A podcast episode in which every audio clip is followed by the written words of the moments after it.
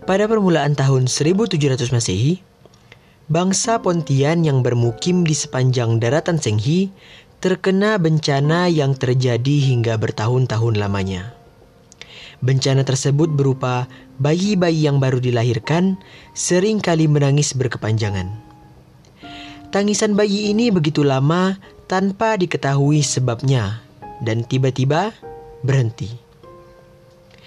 Ketika tangisan berhenti, mereka akan mendapati bayi-bayi yang menangis tersebut telah menghilang begitu saja tanpa diketahui ke mana perginya. Peristiwa tersebut tersebar hingga ke penjuru wilayah sehingga kejadian bayi yang berhenti menangis tiba-tiba ini disebut orang sebagai Pontian anak yang artinya anak bangsa Pontian yang menghilang. Namun ada juga yang mengartikan sebagai anak dalam ayunan yang berhenti menangis.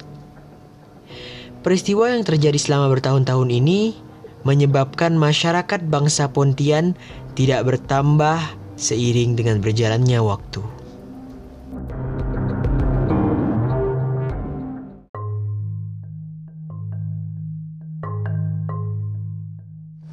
Assalamualaikum warahmatullahi wabarakatuh.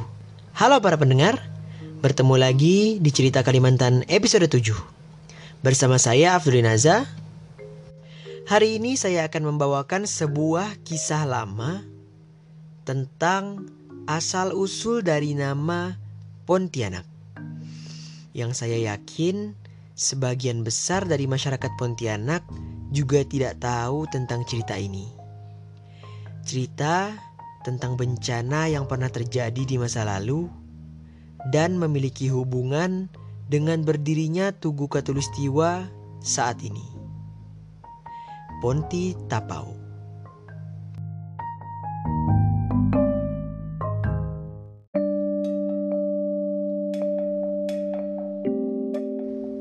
Demong atau pemimpin bangsa Pontian pada masa tersebut telah berusaha untuk menangkal bencana yang terjadi. Namun, selalu gagal.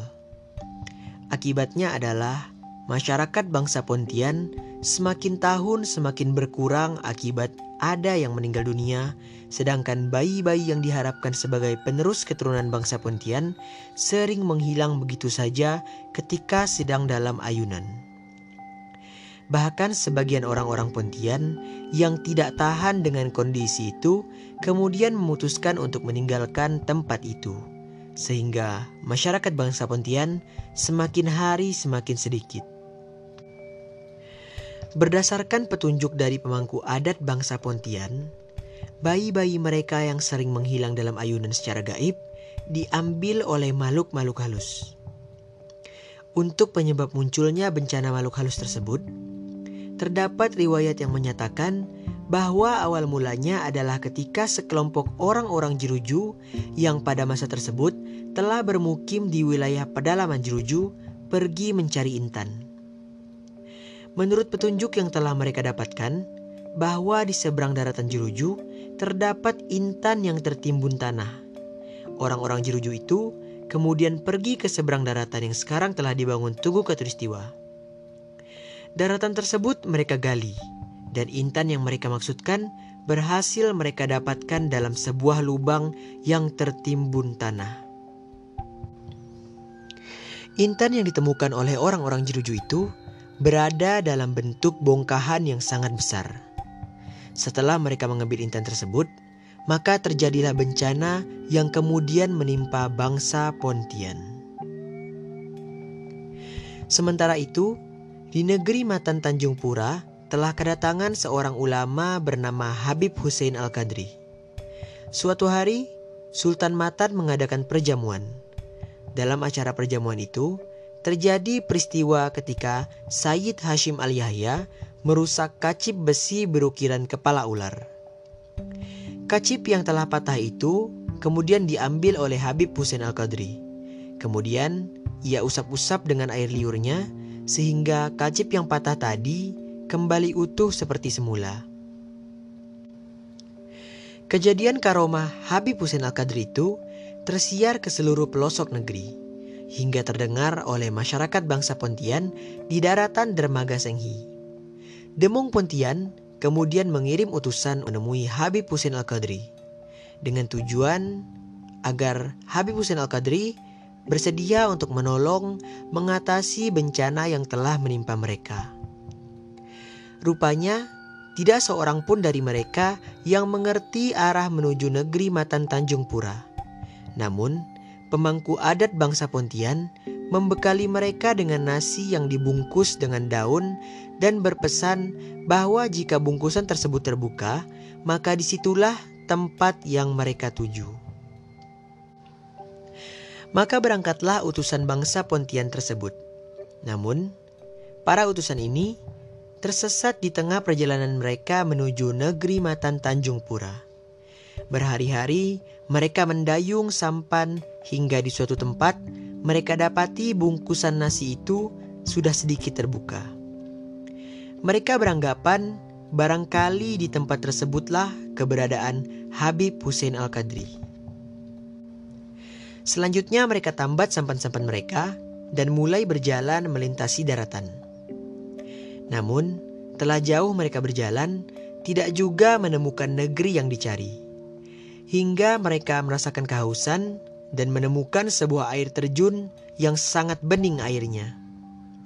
Mereka kemudian meminum air tersebut. Setelah puas minum, kembali mereka dapati bungkusan yang mereka bawa tadi telah terbuka lebar. Tempat itu kemudian mereka sebut Pontian Tapau, yang berarti bungkusan nasi orang Pontian. Mereka selanjutnya menetap di tempat itu dan tidak pernah kembali ke tempat asal mereka. Sementara itu, bertahun sudah masyarakat bangsa Pontian menunggu kedatangan para utusan. Namun, yang ditunggu tidak juga kembali. Akhirnya, mereka kembali mengirim utusan untuk pergi ke negeri Matan Tanjung Pura. Utusan kedua ini berangkat dan bernasib baik karena berhasil menemukan negeri Matan Tanjung Pura. Namun, para utusan kedua ini terpaksa menelan kekecewaan karena Habib Hussein Al-Qadri ternyata telah berhijrah ke negeri Mempawah. Utusan kedua itu kembali ke tempat asalnya dan menyampaikan berita bahwa Habib Husin Al-Qadri sekarang berada di negeri Mempawah. Tanpa buang waktu, Demong Pontian segera mengirim beberapa orang utusan untuk menuju negeri Mempawah.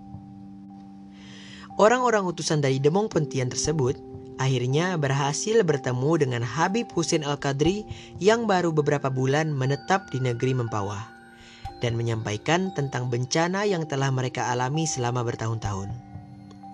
Mereka berharap bahwa Habib Hussein Al-Qadri bersedia untuk menolong melepaskan bencana yang mereka alami.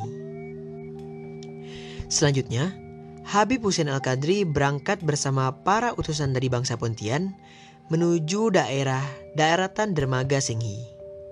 Sesampainya mereka di sana, Habib Hussein Al-Qadri mendapati bahwa begitu banyak makhluk halus yang telah mengganggu dan mencuri bayi-bayi bangsa Pontian yang baru dilahirkan. Gangguan dari para makhluk halus itu sangat dahsyat. Dalam tafakurnya, Habib Hussein Al-Qadri mendapat petunjuk untuk mencari tiang cahaya penyangga langit dan melaksanakan ibadah di tempat itu. Karena hanya dengan berdoa dari tempat itu saja, para makhluk halus itu dapat diusir dari kawasan tersebut. Habib Hussein Al-Qadri bersama Demong Pontian dan beberapa orang bangsa Pontian selanjutnya mencari tiang cahaya penyangga langit tersebut. Pada tanggal 18 Jumadesani 1160 Hijriah, tiang cahaya penyangga langit tersebut berhasil ditemukan. Tiang cahaya penyangga langit tersebut keluar dari sebuah lubang besar di daratan bekas tempat orang-orang Jeruju menggali intan. Habib Hussein Al-Qadri kemudian beribadah dan berdoa di tempat tersebut. Selepas beribadah, bayi-bayi bangsa Pontian tidak lagi menangis berkepanjangan dan tidak lagi menghilang secara gaib. Makhluk halus juga tidak lagi mengganggu masyarakat bangsa Pontian dan bencana yang mereka alami akhirnya berhenti.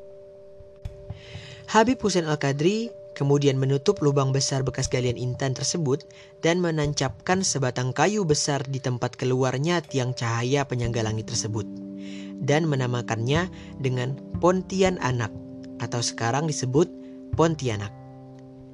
Tempat yang cahaya penyangga langit tersebut sekarang telah dibangun Tugu Katulistiwa Pontianak.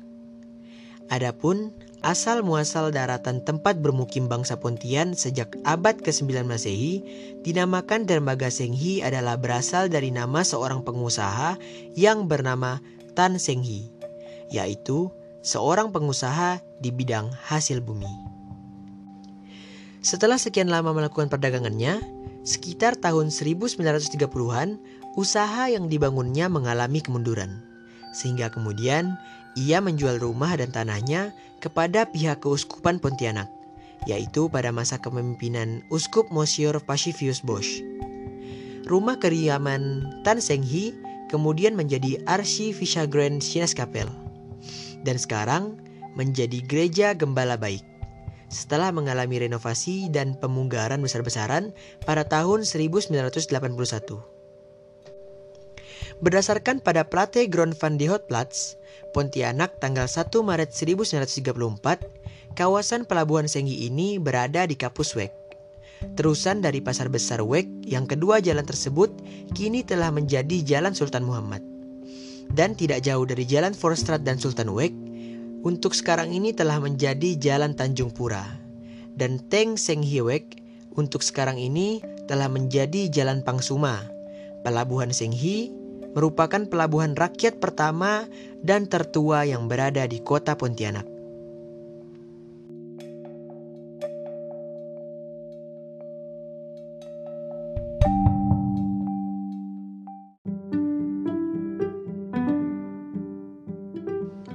Ya para pendengar, itulah tadi cerita Kalimantan episode 7, Ponti Tapau.